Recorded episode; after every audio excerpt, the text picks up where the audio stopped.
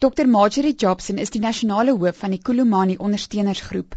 Sy sê hulle is al sowat 10 jaar besig om die saak aan te spreek. Jobson verduidelik waarvan Kulumani General Motors aangekla het. The claims were that they provided the military equipment to suppress resistance to apartheid in the townships. The motor companies actually built all the armored vehicles, the different kinds of armored vehicles, the hippos and the buffles. There were a whole range of armored vehicles that were used to patrol the townships.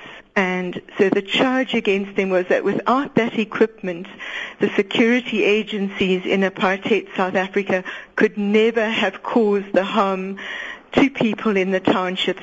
Jobson sê die feit dat General Motors gelikwideer is, het bygedra tot die saak. Our lawyers were allowed to remind the bankruptcy court that they were involved in legal proceedings to compensate victims of apartheid oppression in South Africa. If General Motors management is willing to negotiate with the apartheid claimants, that is entirely their free choice to do so.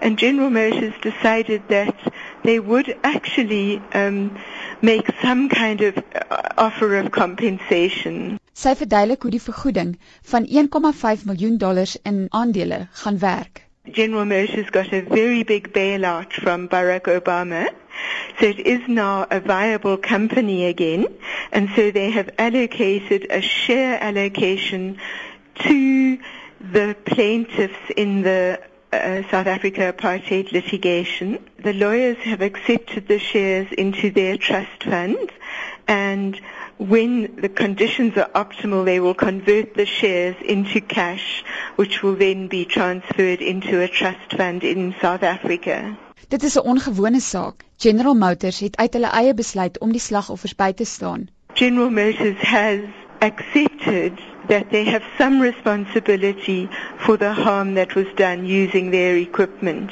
but they are not required in the settlement to actually put that on the in, you know on the written record.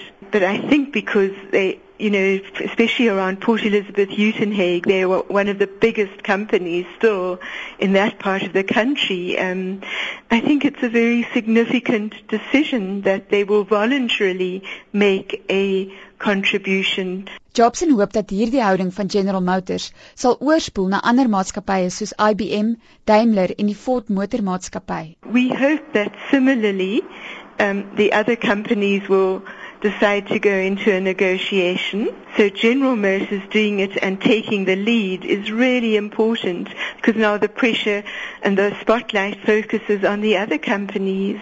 Dit was Dr Marjorie Jobson, die hoof van die Kumulani ondersteunersgroep wat gister 'n gunstige beslissing van General Motors ontvang het. Ek is Marshall Bolt in Johannesburg.